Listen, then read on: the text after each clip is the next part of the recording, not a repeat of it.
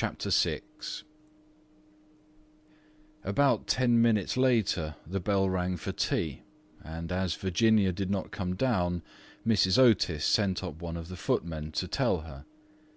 After a little time he returned and said that he could not find Miss Virginia anywhere. As she was in the habit of going out to the garden every evening to get flowers for the dinner table, Mrs. Otis was not at all alarmed at first; but when six o'clock struck and Virginia did not appear, she became really agitated and sent the boys out to look for her, while she herself and Mr. Otis searched every room in the house. At half past six the boys came back and said that they could find no trace of their sister anywhere. They were all now in the greatest state of excitement, and did not know what to do, when Mr. Otis suddenly remembered that, some few days before, he had given a band of gipsies permission to camp in the park. He accordingly at once set off for Blackfell Hollow, where he knew they were, accompanied by his eldest son and two of the farm servants. The little Duke of Cheshire, who was perfectly frantic with anxiety, begged hard to be allowed to go too, but Mr. Otis would not allow him, as he was afraid there might be a scuffle. On arriving at the spot, however, he found that the gipsies had gone, and it was evident that their departure had been rather sudden, as the fire was still burning and some plates were lying on the grass. Having sent off Washington and the two men to scour the district, he ran home and dispatched telegrams to all the police inspectors in the county, telling them to look out for a little girl who had been kidnapped by tramps or gipsies. He then ordered his horse to be brought round, and after insisting on his wife and the three boys sitting down to dinner, rode off down the Ascot road with a groom. He had hardly, however, gone a couple of miles when he heard somebody galloping after him, and looking round saw the little duke coming up on his pony, with his face very flushed and no hat. "I'm awfully sorry, Mr. Otis," gasped out the boy, "but I can't eat my dinner as long as Virginia is lost. Please don't be angry with me. If you'd let us be engaged last year there would never have been all this trouble. You won't send me back, will you? I can't go. I won't go."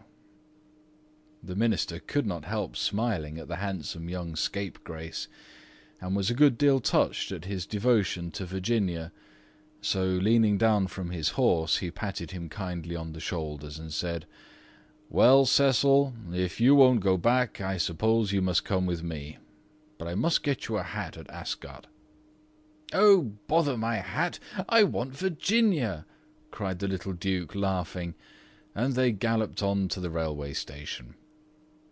There Mr. Otis inquired of the station master if anyone answering to the description of Virginia had been seen on the platform, but could get no news of her.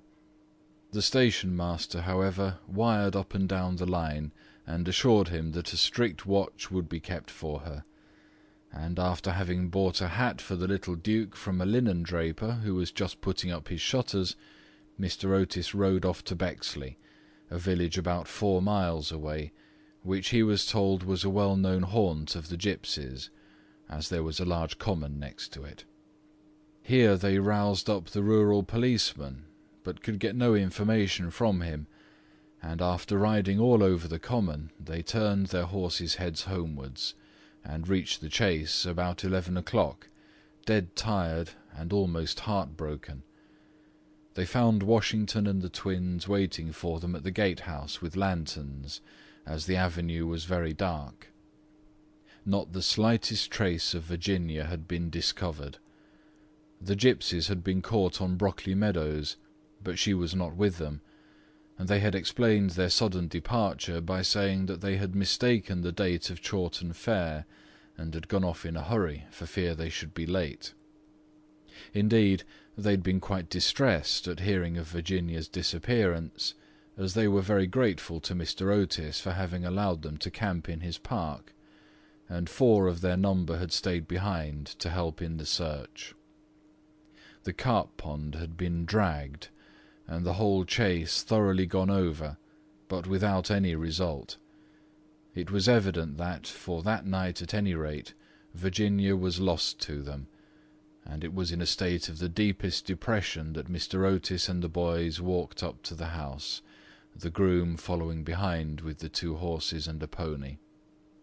In the hall they found a group of frightened servants, and lying on a sofa in the library was poor Mrs. Otis, almost out of her mind with terror and anxiety, and having her forehead bathed with eau de cologne by the old housekeeper.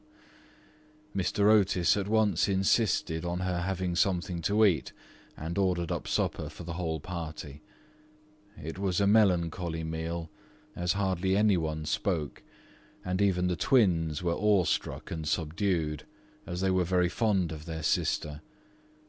When they had finished, Mr. Otis, in spite of the entreaties of the little duke, ordered them all to bed, saying that nothing more could be done that night, and that he would telegraph in the morning to Scotland Yard for some detectives to be sent down immediately.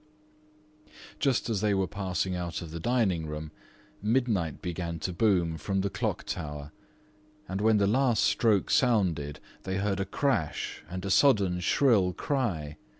A dreadful peal of thunder shook the house, a strain of unearthly music floated through the air. A panel at the top of the staircase flew back with a loud noise, and out on the landing, looking very pale and white, with a little casket in her hand, stepped Virginia. In a moment they had all rushed up to her. Mrs. Otis clasped her passionately in her arms, the duke smothered her with violent kisses, and the twins executed a wild war dance round the group. "Good heavens, child, where have you been?" said Mr. Otis rather angrily, thinking that she had been playing some foolish trick on them. "Cecil and I have been riding all over the country looking for you, and your mother's been frightened to death. You must never play these practical jokes any more." "Except on the ghost, except on the ghost!" shrieked the twins as they capered about. "My own darling, thank God you are found. You must never leave my side again," murmured Mrs. Otis, as she kissed the trembling child and smoothed the tangled gold of her hair. "Papa," said Virginia quietly, "I have been with the ghost. He is dead, and you must come and see him. He's been very wicked. But he was really sorry for all that he'd done, and he gave me this box of beautiful jewels before he died." The whole family gazed at her in mute amazement, but she was quite grave and serious, and turning round she led them through the opening in the wainscoting down a narrow secret corridor, Washington following with a lighted candle, which he had caught up from the table. Finally they came to a great oak door studded with rusty nails. When Virginia touched it, it swung back on its heavy hinges and they found themselves in a little low room with a vaulted ceiling and one tiny grated window. Embedded in the wall was a huge iron ring, and chained to it was a gaunt skeleton that was stretched out at full length on the stone floor and seemed to be trying to grasp with its long fleshless fingers an old-fashioned trencher and ewer that were placed just out of its reach. The jug had evidently once been filled with water, as it was covered inside with green mould. There was nothing on the trencher but a pile of dust. Virginia knelt down beside the skeleton and folding her little hands together began to pray silently, while the rest of the party looked on in wonder at the terrible tragedy whose secret was now disclosed to them. "Hallo!" suddenly exclaimed one of the twins, who had been looking out of the window to try and discover in what wing of the house the room was situated. "Hallo! The old withered almond tree's blossomed! I can see the flowers quite plainly in the moonlight." "God has forgiven him," said Virginia gravely, as she rose to her feet, and a beautiful light seemed to illumine her face. "What an angel you are!"